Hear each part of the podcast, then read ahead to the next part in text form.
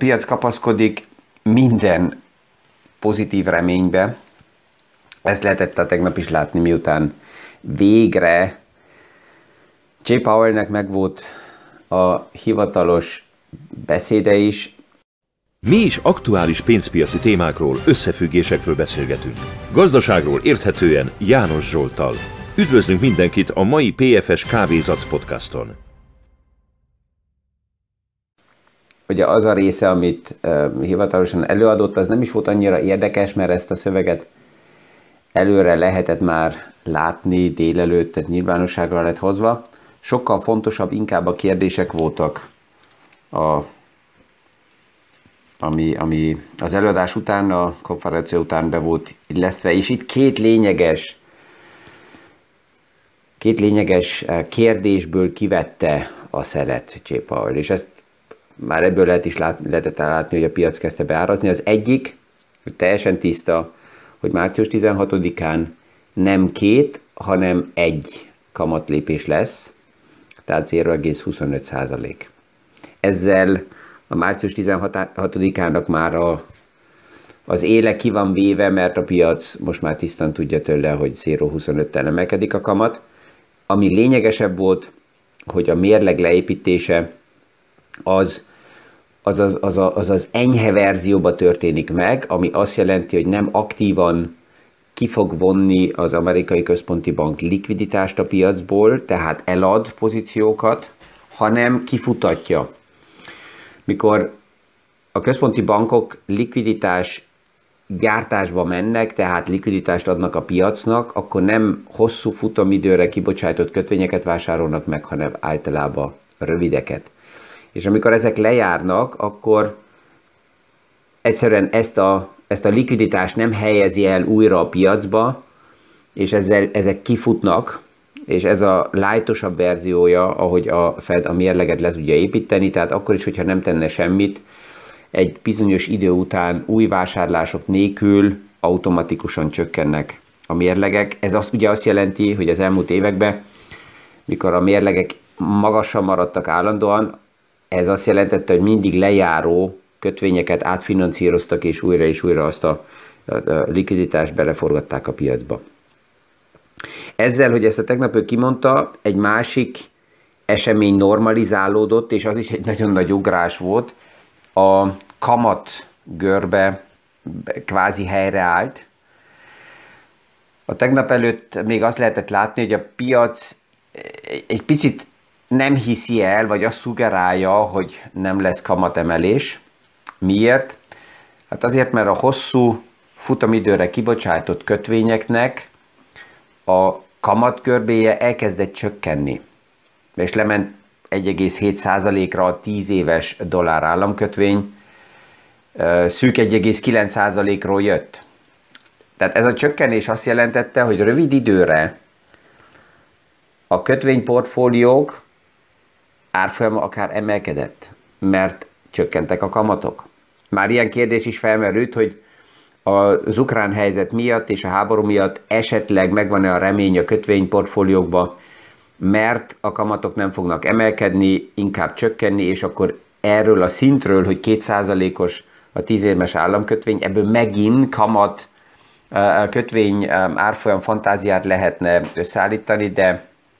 ez a sztori nagyon hamar elszállt a tegnap, tehát normalizálódott a kamatgörbe, ami azt jelenti, hogy a kötvényportfóliókban újra csökkentek az árfolyamok. Miért? Hát azért fontos ez, mert hogyha a hosszú távon, a, a hosszú futamidejű kötvényeknek magasabb a kamatja, akkor a piac nem recessziót vár. És ez, ez ugye a fő kérdés, ezt már többször itt megbeszéltük, hogy e között a két szék között ül az amerikai Fed, egyik oldalról látva, hogy az infláció megy felfele, de tovább is ugye az infláció főleg nem, nem, nem a pénzmennyiség oldaláról történik, hanem az infláció tovább is az ellátás oldaláról jön, hogy ellátási problémák vannak, túl nagy a kereslet, és ebből alakul ki az infláció, tehát ezt kamat emeléssel nagyon nehéz. Ahhoz, hogy a keresletet visszafolytsa a központi bank, ahhoz annyira radikálisan kellene emelni a kamatot, tehát akár az infláció fölé, ami dollárban azt jelenteni, hogy nagyságrendileg 5-6 százalékra, eurozónában azt jelenteni, hogy 5-6 százalékra, és ez persze, hogy ez azonnali recesszióba küldeni a piacot, plusz rengeteg plusz áldozat lenne körbe azok, akik csak az alacsony kamatok miatt tudnak élni, tehát ezt a verziót nem, nem akarja végig gondolni a piac, bár ugye ma olyan időt élünk, amikor azok a verziók, amelyekre nem akarunk gondolni, vagy nem merünk gondolni, azok um, akár, akár uh, meg is valósulnak. De a Fednél ez nyugtató volt a piacnak, hogy teljesen ki volt mondva két dolog, ami lényeges volt. Hogy um, uh, mennyi lesz a kamatlépése a Fednek. Szó, ez az egyik. A másik, amit a tegnap is tovább láttunk, és a tegnap ebben erről beszélgettünk, hogy az energia oldalon az olaj az, ami a következő hetekben fog foglalkoztatni minket, főleg azért, mert most a piac nagyon tisztán oda néz és megnézi, hogy mi is történik, és mennyire lényeges az orosz olaj a világpiacnak, és a szankcióknak milyen a hatása. Az egyik összeállítás, amiből lehet látni, hogy kik a legnagyobb ter- kitermelők, ebből alapjában látható, hogy igen, az orosz um, kitermelés ez az első kettő között van, az első három között. Attól függ, hogy melyik statisztikát nézzük meg, már második helyen van, az, volt az orosz kitermelés, vagy a harmadik helyen, de ennek nagy része ugye főleg arra kell, hogy saját um, energia igényeket ellássák. A másik része körülbelül a fele, ez kimegy, és ez hova megy, ezt is uh, próbálja a piac fel, fel uh, fedezni, megnézni. A legaktuálisabb statisztika, ami így a kezembe került, ez még 2019-ből van, és ott lehet látni, hogy Kína a legnagyobb partnere ebbe a témába 13%-át Kínába szállítja az olajnak Oroszország, aztán Hollandia, Németország, Belarus, Törökország, és így menjünk tovább. Ha ezt megnézzük, és ez nagyon nem változott esetleg meg 2019 óta, akkor az exportnak pillanatnyilag még olyan 20%-a működik, a többi része nem. Egy energiaszektorban uh, dolgozó alap elemző abból indul ki, hogy pillanatnyilag körülbelül 70%-a a rendelkezésre, rendelkezésre álló olajnak, tehát ami már ki van termelve, kiszállítható lenne, annak 70%-a be van fagyasztva. Tehát szankció van rajta, embargo van rajta, ezt nem, nem tudják a piacokon eladni, és pillanatnyilag még dumpinggal sem lehetne ezt eladni, tehát hogyha az orosz oldal azt mondja, hogy oké, okay, olcsóbban adom el, csökkentem az árakat, mert két fő probléma van. Az egyik a hajók, és egyre több kikötő és egyre több ország tovább is kijelenti, hogy orosz olajat, tehát eddig orosz hajókat nem engedtek be, most már orosz olajat szállító hajót nem engednek be, és ezért a kapitányok, a, a, a hajó tulajdonosok azt is nagyon megnézik, hogy milyen olajt vesznek fel, tehát ők már nem veszik fel az orosz olajt, ezzel megáll ott is pluszban még a körforgás, plusz a költségek nagyon erősen robbantak, ezt a tegnap reggel is említettem, aztán tegnap egy még pontosabb szám került a, a kezembe, hogy a Fekete-tengeren is, de a, a, a Balti-tengeren is a tankhajóknak a költségei, azt lehet mondani, ez a kifejezés to the moon, 2020-ban jelent legelőször ugye meg, vagy gyakrabban, tehát mindegy rakéta megy fel, főleg ami Oroszországot érinti, és hogy um, itt mennyire eltolódtak a számok, ezt abból is lehet látni, hogy normális esetben olyan körülbelül 81 hajóra van szüksége Oroszországnak havonta, ahhoz, hogy azt a mennyiséget, ilyen körülbelül um, 60 millió barrel el legyen szállítva a világnak a különböző részeibe. Tehát 81 kellene. Most aktuálisan és ez is érdekes, hogy a nagy adatrendszerekből, a big data rendszerekből, tracking rendszereken keresztül ezt lehet látni. Aktuálisan 8 hajó van csak úton. A kérdés az, hogy ők is hova fognak menni, milyen kikötőkbe mennek, és um, azzal, hogy a tracking rendszereket meg, meg lehet nyitani, és lehet látni, ugye ezt az elmúlt napokban tudtuk olvasni is, hogy nem csak a nagy tankahajókat hozzák nyilvánosságra, hanem akár az oligákoknak a repülőit, a hajóit, hogy hol állnak, hova mozognak, e, és, és így látja ezt a, a kirakatba az egész világ. Tehát ez egy, ez egy, következő, egy, egy egészen új dimenzió, amit eddig így ilyen formában e, nem láttunk. És ez nem csak ebbe a hónapban ennyire kevés, hanem már egy hónappal ezelőtt is a 81 hajó helyett már csak 25 volt úton, és akkor még nem volt embargo. Tehát ezt látjuk, hogy az olajra még nincsen hivatalosan szankció rátéve az orosz olajra, de ettől független a piac már reagál az eddigi szankciókra, és ez már nagyon erősen szűkíti azt, ami rendelkezésre áll. Tehát, hogyha 70%-a annak az olajnak, amit ki tudna szállítani Oroszország, már le van fagyasztva, ez körülbelül olyan 3,8 millió barrel naponta, hát akkor persze, hogy ez aktuálisan a világpiacban hiányzik, ezt más kapacitásokból ki tudjuk termelni, hogyha padlógázzal menne a kitermelők csoportja az OPEC-en belül, vagy az OPEC Plus, akkor 4,2 millió barrelre lehetne naponta ezt felemelni, de erre idő kell, hát főleg azért is, mert a pandémia és az ESG bevezetése miatt az elmúlt években az olajkitermelési kapacitásokat visszavették a kitermelők, és ezt már hónapra nem lehet újra felpörgetni. Ennek ellenére, mert vannak egy páran, akik azt mondják, hogy zó, akkor most megszűnt az ESG téma és a zöld hullám, és most egyszerűen mindent be kell vetni, hogy olajat tudjunk kitermelni. Ez tisztán látható, hogy ez egy átmeneti állapot, ahol mindenki, aki lényegesen ebbe a témába benne van, azt mondja, hogy igen, most egyelőre nem kérdés, szükséges az, hogy megnézni, hogy hol lehet mozgatni esetleg szénerőműveket, mennyivel lehet még egy pár évet a, a hálózaton hagyni, azért, hogy az aktuális kialakult helyzetet ezt lehessen kezelni, de nem kérdés az, hogy alternatíva energiaformákba kell fordulni, és fognak fordulni, és az érdekes itt is az, hogy a legtöbben újra azt veszik kézbe, amit 2020-ban hallottunk, hogy a pandémia utáni támogatás, a likviditás, ha lehet, főleg megújuló energiákba és ezeknek a, a, a további támogatásába, fejlesztésébe menjen, ne a hagyományosba. Persze, hogyha visszaemlékszünk 2020 akkor tudjuk, hogy mennyire hamar sajnos megszűnt ez a nagy motiváció, és um,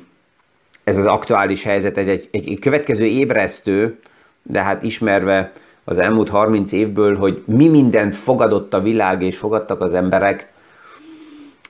érdekes lesz egy kísérni, hogy hát ha ebből most több fog maradni, mert nagyon-nagyon durván megmutatta az aktuális helyzet a függőséget. Van egy olyan gondolat is, hogy ha az árak emelkednek, hát akkor valamikor egy természetes keresleti megfordulás fog történni, tehát hogyha az ár bizonyos szinteket elér, akkor a, a, a fogyasztás visszacsökken. Egyelőre nem lehet látni, hogy itt 1,50, 1,60, 1,70 um, per liter um, um, áraknál a benzinkútnál kevesebben lennének, vagy kevesebb közlekedés lenne, vagy az emberek uh, lemondanának az autóról, tehát ez, ez nem látható. JP Morgan megnézte, hogy hol kellene legyen a, a, a piac uh, fájdalmi határa, hogy valami változást lássunk, és ez körülbelül 170 és 180 dollár között van. Ahogy persze, hogy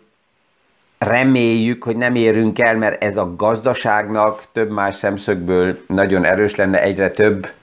um, nehéziparba dolgozó nagy gyár jelzi azt, hogy a nyersanyagok, az alapanyagoknak az árrobbanása az, az uh, problémát okoz, és ezt látjuk a tőkepiacon is, hogy minden, mindenik, minden iparág, amelyik érintett az energiaellátásban és a nyersanyagoknál azoknak az árfolyamai mindig, amikor az olaj mozdul, akkor sokkal érzékenyebben, mint eddig mozdulnak lefele. Olyan iparágak, amelyek, na ja, függetlenek így ebből a szempontból, legalábbis a, a direkt az olajtól, azok a, a, vagy szárnyalnak, vagy sokkal stabilabbak, de azért a piacban minden nap azt lehet látni, amiről itt már ebben a körben sokszor beszéltünk, hogy a likviditás nagyon alacsony, és mivel alacsony a likviditás, tehát a napi forgalom, ezért abnormális árfolyam mozgások vannak, tehát most konkrét neveket nem is akarok hozni, de az elmúlt napokban számok bejelentése után pum, plusz 30%-kal fel egy közömbös, nem is különleges cégnek az árfolyama, csak azért, mert nagyon alacsonyak a likviditások és nagyobb csomagok megvásárlásával robbannak, vagy ugyanaz fordítva tegnap a kereskedés után számokkal kijönnek cégek, és mínusz 20, mínusz 30 százalékkal, így perceken belül, ami normális időben lehet, hogy egy ilyen 3-4 százalékos kilengést hozott volna, de az aktuális alacsony likviditás miatt irracionálisan dolgozik a piac. És itt az értékelések, hogy milyen a belső értéke egy cégnek, egy ilyen helyzetben nem segít, hanem egyszer újra vissza kell térjen a piacba egy magasabb likviditás, és azután lehet a beárazásokat megfelelően kezelni. Tehát ezt látjuk, hogy az árképzés az mindig azon, azon múlik, hogy mennyi a kereslet, mennyi a kínálat. És egy páran feltették azt a kérdést is, hogy az embargo, hogyha rajta van a, a rubelen, akkor a rubel miért nem esik végtelenbe? Mert normális esetben, ha nincsen a központi banknak lehetősége devizákat eladni, és ezért rubelt felvásárolni, akkor nem tudja ő az árfolyamat ugye annyira irányítani, de ebből is kiszivárgott a tegnap látható volt, hogy persze, hogy kreatív az orosz központi bank is, mert egyszerűen kötelezte az állami közelbe levő nagy cégeket, egy Gazpromot, és hát főleg azokat, akik um, azt adják el, amire a világ még rá van utalva, tehát az energiát, az olajt, ők mit kapnak? Hát devizákat, és őket kényszerítette arra, hogy a devizájukat át kell váltsák rubelbe. Hogyha most devizát átálltanak rubelbe, az azt jelenti, hogy akkor devizát adnak el, rubelt vesznek, ezzel megjelenik a piacon egy kereslet, és így um, tudták fékezni a rubelnek az árfolyam esését. Um, ezen ér, persze, hogy ezért is tovább gondolkoznak, hogy pont az olajat és az energiaellátást tovább um, embargókkal és szankciókkal ellátni, mert hanem így mi saját magunk azért, mert kell az energia nekünk, finanszírozzuk tovább azt, amivel nem értünk egyet. Érdekes az összefüggések, amik a háttérben vannak, tehát így, hogyha egy kis befektető ezt így figyeli, akkor csak kapkod a fejével, hogy itt mi is történik. Egy másik téma, ami persze, hogy nagy problémát okoz, és ezt megint lehet látni befektetés oldalról, hogy fantasztikus, de sajnos lehet látni abból a szemszögből is, hogy mennyire etikus. Az agrárszektor az, amelyik nagy problémákat mutat. Ha megnézzük az elmúlt hetekben, hónapokban már az agrárszektorban robbantak a gabona árak, szinteken mozognak, mint ahol, ahol voltak, vagy részben magasabban, mint 2011-ben um, szója, búza, főleg ugye Ukrajna is beszállít rengeteg globális piacba, főleg Afrikába is, és amikor az élelmiszerek és a gabona árak robbannak, akkor ez általában sajnos azt jelenti, hogy pont az a réteg érintett, ahonnan társadalmi feszültségek tudnak kiindulni, geopolitikai feszültségek tudnak kiindulni, tehát mindig, amikor az élelmiszerről van szó, ez az egyik, a következő legveszélyesebb, tehát az infláció mellett